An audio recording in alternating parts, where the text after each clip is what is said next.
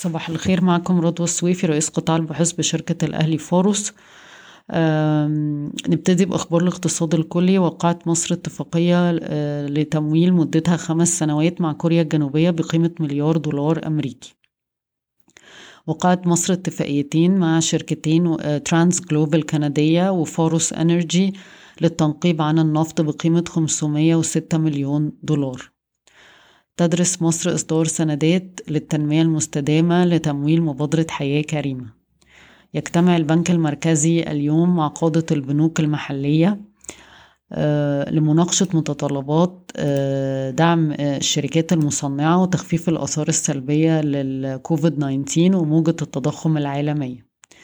تخطط فوري لجمع 800 مليون جنيه من زيادة رأس مال بالقيمة الإسمية للسهم من خلال إصدار حقوق أولية للمساهمين الحاليين وسيتم توجيه العائدات نحو التوسعات في الخدمات المالية غير المصرفية 400 مليون جنيه مصري وتطوير My Fawry super app 300 مليون جنيه مصري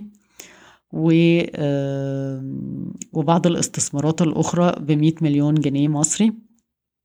كما وافق مجلس الإدارة على برنامج إيداع أسهم أمريكية ADS وبيستكشف إمكانية الإدراج للأسهم في الولايات المتحدة.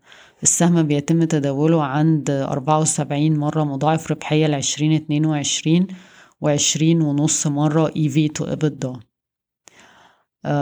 كشفت وزارة الاتصالات وتكنولوجيا المعلومات عن خطط لتنفيذ منصة تجارة إلكترونية وإطلاق منصة رقمية جديدة لمكتب البريد وزيادة عدد خدمات منصة مصر الرقمية من 103 خدمة ل 150 خدمة بحلول الربع التاني من 2022 و200 خدمة بنهاية 2022 بفكركم إن إي فاينانس هي بوابة الدفع لمنصة مصر الرقمية وبالتالي فهي مستفيد رئيسي.